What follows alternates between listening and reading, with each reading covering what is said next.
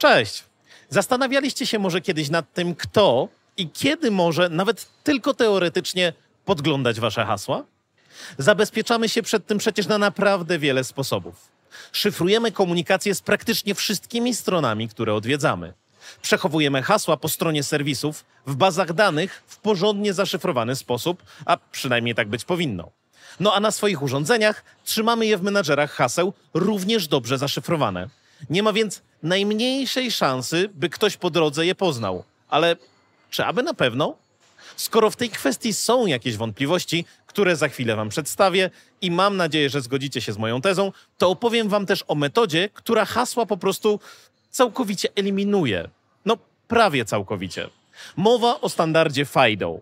Pokażę Wam też, jak polski startup umożliwia dodanie uwierzytelniania dwuetapowego albo właśnie nawet FIDO do dowolnej aplikacji, nawet bardzo przestarzałej, którą kontrolujecie. Mowa o firmie Sequence, która jest partnerem i zarazem sponsorem tego odcinka. Zapraszam.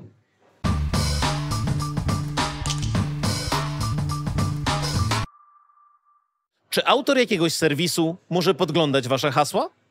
Tak, może. To po prostu kwestia naszego zaufania do niego, że tego nie robi oraz skali. No bo komu by się chciało podglądać hasła tysięcy użytkowników jakiegoś portalu? Natomiast jest to jak najbardziej realny scenariusz i jeden z wektorów ataku. Hasło to sekret współdzielony i to współdzielenie właśnie jest jedną z jego największych wad. Współdzielony w takim sensie, że znać go musi poza nami również serwis, do którego chcemy się dostać i w jakiś sposób go przechowywać. Dlatego tak ważne jest wykorzystywanie unikalnych haseł i korzystanie z ich menadżera. Natomiast to nie do końca rozwiązuje problem, a jedynie nieco go bandażuje. Które miejsce procesu uwierzytelniania to najsłabsze ogniwo w takim scenariuszu? Pole tekstowe, w które wpisujemy swoje hasło. Kiedy wszystko działa tak jak powinno, to po wypełnieniu tego pola hasło jest przetwarzane i porównywane z haszem zapisanym w bazie danych. Jednak niewiele stoi na przeszkodzie, aby w tym samym miejscu dodać funkcję, która prześle je w postaci czystego tekstu dodatkowo w jakieś inne miejsce. No i mamy problem. Nasz sekret przestał być sekretem, a w dodatku nie jesteśmy w stanie sprawdzić, czy tak się stało. Dowiemy się o tym dopiero, kiedy zostanie to wykorzystane przeciwko nam. Zresztą to tylko jedna z cech haseł, która nas drażni. Trzeba je przecież jeszcze pamiętać, resetować i tak dalej. Znacie ten ból. Skoro więc chyba wszyscy nie lubimy się z hasłami, to nie ustają poszukiwania rozwiązania tego problemu. Wielu z nas marzy o tym, aby ich się w końcu raz na zawsze pozbyć. Ale jak to zrobić? To dobre miejsce na odrobinę historii. Nie tak wcale dawno temu weszła w życie dyrektywa PSD2 dotycząca m.in. bezpieczeństwa transakcji płatniczych w internecie. Jednym z jej elementów jest SCA, czyli Strong Customer Authentication. Zakłada on, że użytkownik, aby bezpiecznie się uwierzytelnić, powinien przedstawić dwa z trzech elementów. Pierwszym jest coś, co wiesz, i do tej właśnie kategorii zaliczamy hasła. Drugi to coś, co masz, czyli jakieś urządzenie, na przykład telefon, którym możemy potwierdzić logowanie. Trzecim jest coś, kim jesteś, i do tej kategorii zaliczamy na przykład odcisk palca czy skan tęczówki oka. Te dwa ostatnie są zdecydowanie wygodniejsze w użyciu na co dzień. A więc co zrobić, aby zacząć wykorzystywać je szerzej? No cóż, można wdrożyć odpowiednie mechanizmy uwierzytelniania, ale tutaj również czeka na nas kilka pułapek. Pamiętacie niedawne włamania do systemów Ubera?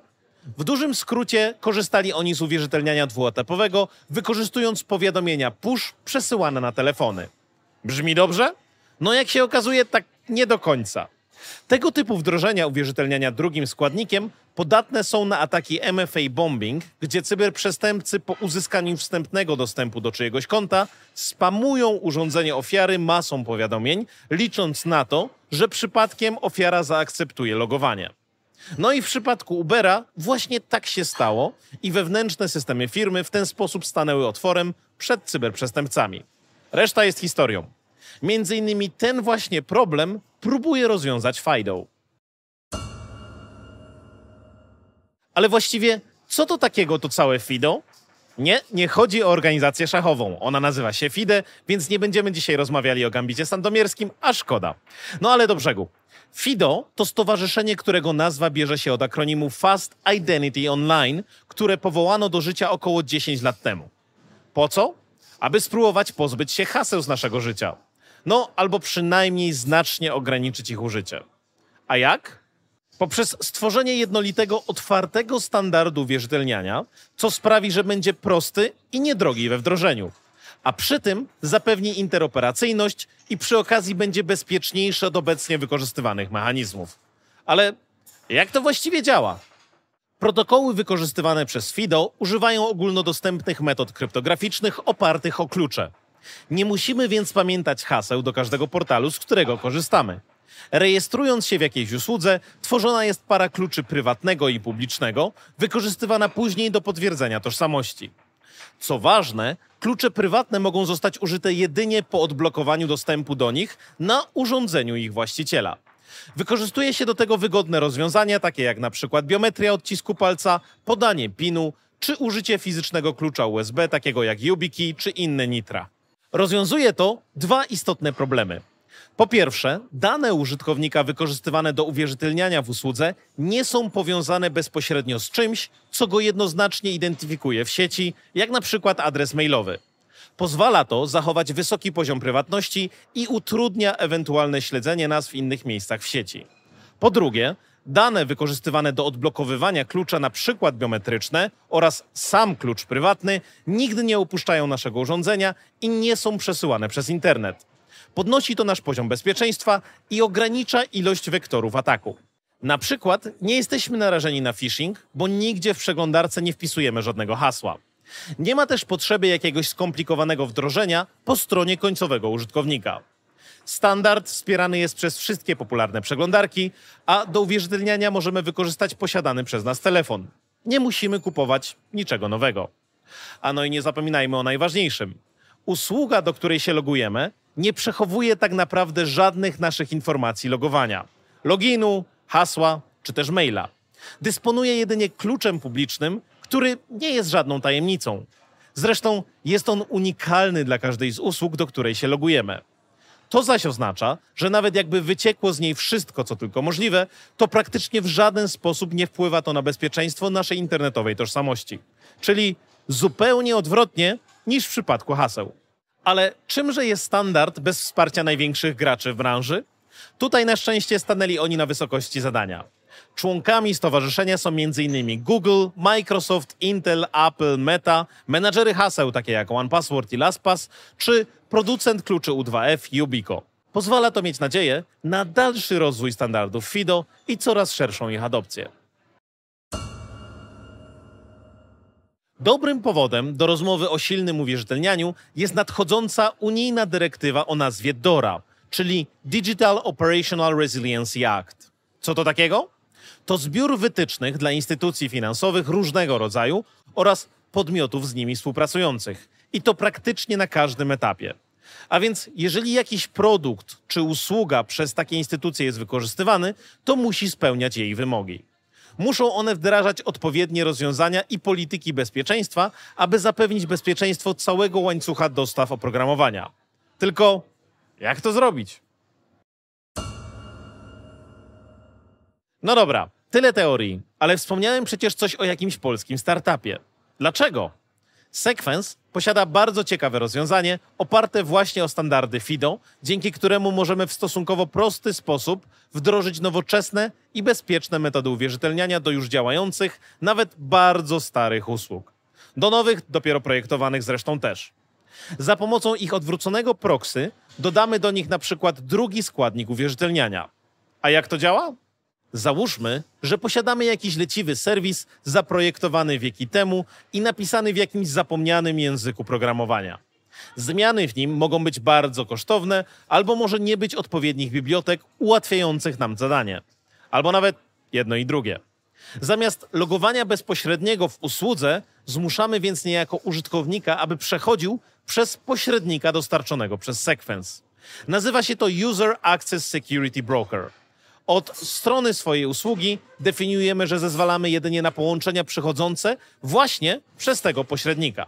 Przy rejestracji w usłudze zostanie wygenerowana odpowiednia para kluczy, których od tej pory będziemy używać do logowania. Brzmi jak w miarę prosty upgrade? Bo o to właśnie chodzi.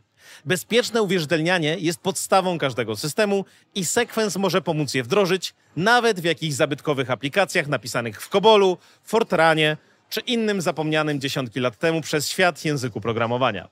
Zamiast zostawać nekromantą, próbując je na siłę wskrzeszać, rzucając na problem niebotyczne pieniądze, można po prostu pójść z duchem czasu. Ba, taki broker ma jeszcze jedną cechę. Pozwala zintegrować logowanie do wielu podrzędnych usług w jednym miejscu, co może mieć ogromne znaczenie, kiedy mamy ich niezliczoną ilość w naszej organizacji. No ale wszystko przecież ma jakieś wady, prawda? Czy FIDO jest rozwiązaniem wszystkich problemów tego świata? No jasne, że nie. I bylibyśmy naprawdę naiwni sądząc inaczej. Pierwszym problemem, który nasuwa się w tym miejscu jest fakt, że FIDO służy do uwierzytelniania, a nie do autoryzacji. Co za różnica? Ktoś zapyta. Ano spora. Z użyciem FIDO możemy kogoś wpuścić do jakiegoś systemu czy usługi, ale nie będziemy w stanie użyć go do potwierdzenia transakcji w aplikacji bankowej czy uzyskania dostępu do tylko jakiejś części danych, które chcemy przesłać pomiędzy usługami. Wynika to z braku wsparcia dla kontekstu, co obrazowo można przedstawić jakby FIDO było drzwiami, którymi można kogoś wpuścić, a nie oknem, przez które można tylko zajrzeć. W efekcie, gdyby próbować na siłę wykorzystać FIDO, na przykład w postaci klucza YubiKey właśnie do autoryzowania transakcji w banku, to byłoby to zwyczajnie niebezpieczne, bo wiedzielibyśmy tylko, że coś autoryzujemy, ale nie wiedzielibyśmy co. Jest to jeden z powodów, dlaczego standard FIDO nie został szeroko wdrożony, na przykład przez instytucje finansowe takie jak banki, czy usługi na poziomie rządowym w rodzaju naszego M-Obywatela. Jednak tutaj jest światełko w tunelu, które może nie być reflektorami nadjeżdżającego towarowego z węglem. Standard ten wciąż ewoluuje i pewnie niedługo ulegnie to zmianie. Inną kwestią jest to, jak szybko dokonane zostaną odpowiednie wdrożenia, ale to już temat na zupełnie inną opowieść. Co robić i jak żyć? Dbaj o metody swojego uwierzytelniania. Jeżeli tylko jakiś serwis pozwala na uwierzytelnianie dwuetapowe, to bez wahania je załącz. Jeżeli nie ma takiej możliwości, to następną w kolejności dobrą rzeczą jest zastosowanie długiego, skomplikowanego hasła, które możesz przechowywać w ich menedżerze, aby nie zaprzątać tym sobie głowy. Jesteś twórcą jakiejś aplikacji? Jeżeli nie umożliwiasz swoim użytkownikom korzystania z uwierzytelniania wieloetapowego, to zrób to jak najszybciej. Proszę. Najlepiej w oparciu o standardy FIDO. Przy okazji możesz wdrożyć rozwiązania, które eliminują hasła całkowicie, za co wszyscy będą ci dozgodnie wdzięczni. Co prawda dyrektywa DORA dotyczy tylko sektora finansowego i podmiotów świadczących dla niego usługi, ale nie oznacza to wcale, że dobre praktyki dotyczące bezpieczeństwa powinny być stosowane tylko w tym miejscu. Nic nie stoi przecież na przeszkodzie, aby skorzystać z nich również w aplikacjach i systemach, które utrzymujemy. Nie wiesz, jak to zrobić? Ekipa Sequence na pewno będzie Ci w stanie z tym pomóc. I to już wszystko na dziś. Tymczasem dziękuję za Waszą uwagę i do zobaczenia.